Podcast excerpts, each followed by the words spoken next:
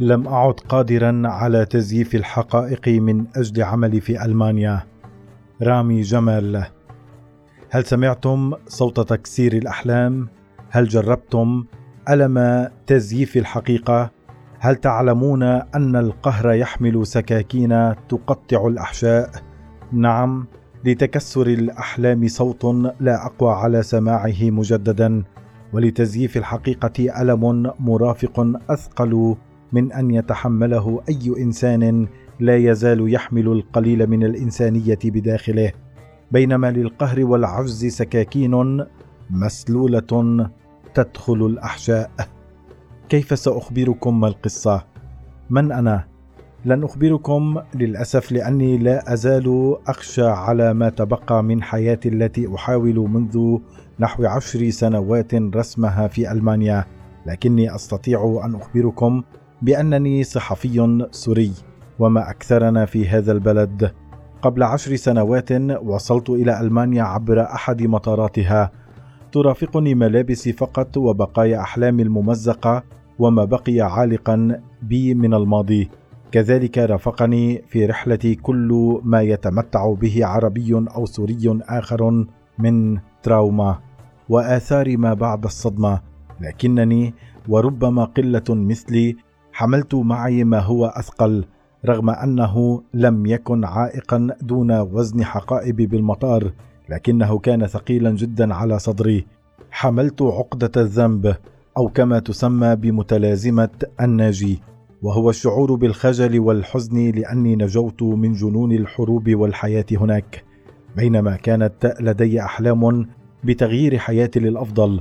خلال حياتي هنا كنت أهرب دائما مما يحدث هناك لكن عملي يعيدني في كل مرة. وقتها أيقنت أن الوقت حان لأقوم بدوري كصحفي يعمل في بلد ديمقراطي يتمتع بمعايير عالية من حرية التعبير. كنت أرفع صوتي بالحديث عن مآسي العرب بشكل عام وظلم حكوماتهم والفساد والقتل.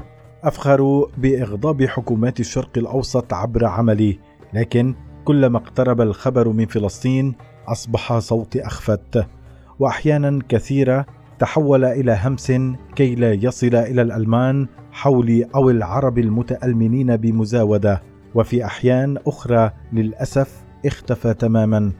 كمفاضلة بين غيابه أو قول نصف حقيقة فقط لكن هذه المرة لم أعد قادرا على خفض الصوت. كان صوت الموت أعلى. دم الفلسطينيين زكم أنوف العالم. ومجرد من الإنسانية كل من شمه وأنكره. بدأت اكتشاف صعوبة التعامل مع القهر وأيقنت أن للقهر سكاكين تقطع أحشاءنا ونحن نختبئ وراء الشاشات من أصدقائنا الفلسطينيين وحتى من سوريين يبادون حاليا بسوريا.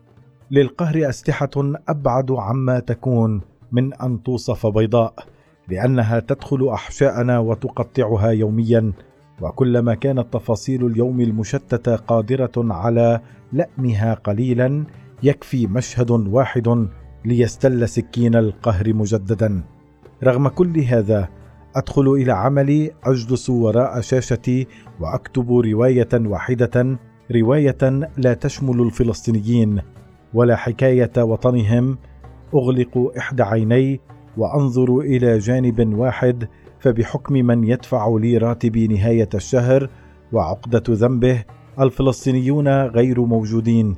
وإذا وجدوا فهم مسؤولون عن موتهم وإذا لم يقبلوا الموت فهذا ذنبهم. أهز راسي كالكلب المطيع واعمل كموظف مثالي بل أمارس دور المقص الرقيب على زملائي أحيانا وأكتب ما يمليه علي رب عملي. أقوم بذلك بينما أعطي حبة منوم لضميري ففي كل لحظة تردد. يأتيني صوت الفواتير والمسؤوليات والأسوأ يأتيني صوت يذكرني أن لا مكان لي لأعود إليه. إذا ما خالفت معايير الدولة الألمانية التي ذكرتنا بها صحيفة بيلد في مانفيستو من خمسين نقطة. أبرزها أن الفلسطينيين لا صوت لهم في قاموسهم كما لا وطن لهم في قانونهم. لذلك يحملون لقب ستيت لوز أو عدمي الجنسية أو بالأحرى بلا وطن. أحاول تذكير نفسي كما نصحني معالجي النفسي عندما أصارحه بكرهي لعملي بأن الشغل ليس عيبا. وأختم يومي بلقاءات تشتم الألمان ومعاييرهم وحريتهم وإنسانيتهم لأرض ضميري الذي ينخز علي لأعود إلى منزلي دون أن أفكر بقرار مجنون يتطلب موقفا يوقف كل الألم لكنه يمسح كل ما فعلته حتى الآن للوصول إلى الهروب الكبير. فتزييف الحقيقة مؤلم يبدأ بخدر في الأصابع. ثم يصبح ألم بالبطن يشتد كثيرا بعدها يصل الخدر إلى الرأس وينتهي كل شيء.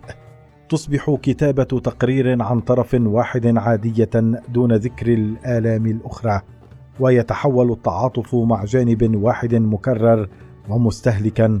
ولكن عندما تريد النهوض لن تقوى فالألم يبقيك في مكانك. يأخذك إلى فيديوهات واستغاثات ودماء ودموع الفلسطينيين ليذكرك بالنصف الآخر ليسحق أحشاءك مجددا ليعطيك ما لا تستطيع تحمله. عندها تستوعب فقط أن هذا جزاء لك لأنك استسلمت ولم تقاوم التزييف. تعود إلى المنزل تحاول التعامل مع الألم بحبتي منوم. لتستيقظ باليوم التالي وتعيد الدوران بنفس الحلقة المفرغة. أنا لا أدافع عن نفسي هنا لأني أعلم أنني لا شيء لا أقوى على تغيير الواقع ولا حماية الفلسطينيين من الغارات لا أملك سوى دموعي وشعوري بالألم والذنب وبعض يوروهات أتبرع بها. أحاول الهروب من كل ما سبق بإجازات مرضية تجعلني بعيدا عن ممارسة النفاق. يساعدني جسمي على ذلك فلقد فقدت القدرة على استخدام يدي مؤخرا أو النهوض من السرير بسبب آلام في رقبتي. شخصها طبيبي بأنها توتر أو stress مما يحدث لكني لم أستقيل من عملي أو أسجل موقفا فأنا مثل مئات آلاف العرب الذين يعيشون في ألمانيا حاليا أريد الحصول على جواز سفري لأهرب من هنا. أريد النجاة الفردية من حفلة الدم الجماعية بالشرق الأوسط. حفلة العنصرية هنا. أغضب لأن لا وطن لي ألتجئ إليه لحماية نفسي من القهر والظلم. لا وطن أقدر أن أكون حرا فيه. لا وطن لي غير قادر على ظلمي. لا وطن لي يحبني كما أحبه. أختبئ بين ذراعيه من كل هذا. لا وطن يحن علي. لدي اعتقاد لا أقوى على البوح به للألمان من حولي إذ أعتقد أن عليهم أن يستيقظوا قبل فوات الأوان لا عن طريق مسامحتهم لأنفسهم على ما اقترفه أجدادهم بحق اليهود لأن الذنب لا يجب أن يورث برايه ولا أحد يحاسب على ما اقترفه غيره خاصة إذا ما حاولنا الاعتراف بأخطاء الماضي وتصحيحها بالحاضر عبر عدم إنكار حق اليهود بالوجود. لكن ما أظن على الألمان فعله حاليا هو الاستيقاظ قبل أن يكبر رصيد ذنب آخر سيحملونه لمئات السنين أيضا. ذنب دماء الفلسطينيين التي تزهق هناك وهم صامتون متعامون لا بل مؤيدون لذلك. وأعيد التساؤل اليومي أين أنا؟ ما هذا العالم القذر الذي نعيش فيه؟ لماذا أنا هنا؟ وإلى أين سأهرب؟ هل تستحق أحلامي كل هذه الألام؟ لماذا لا يمكنني الحصول على أبسط حقوقي في أي مكان بالعالم؟ وهنا أبدأ سماع صوت تكسر الأحلام. أجمع الحطام أدفنه تحت سجادة يومياتي لكن الصوت يبقى متكررا كلما تابعت السير إلى الأمام ودست على أحلامي مجددا وما تبقى من إنسانيتي.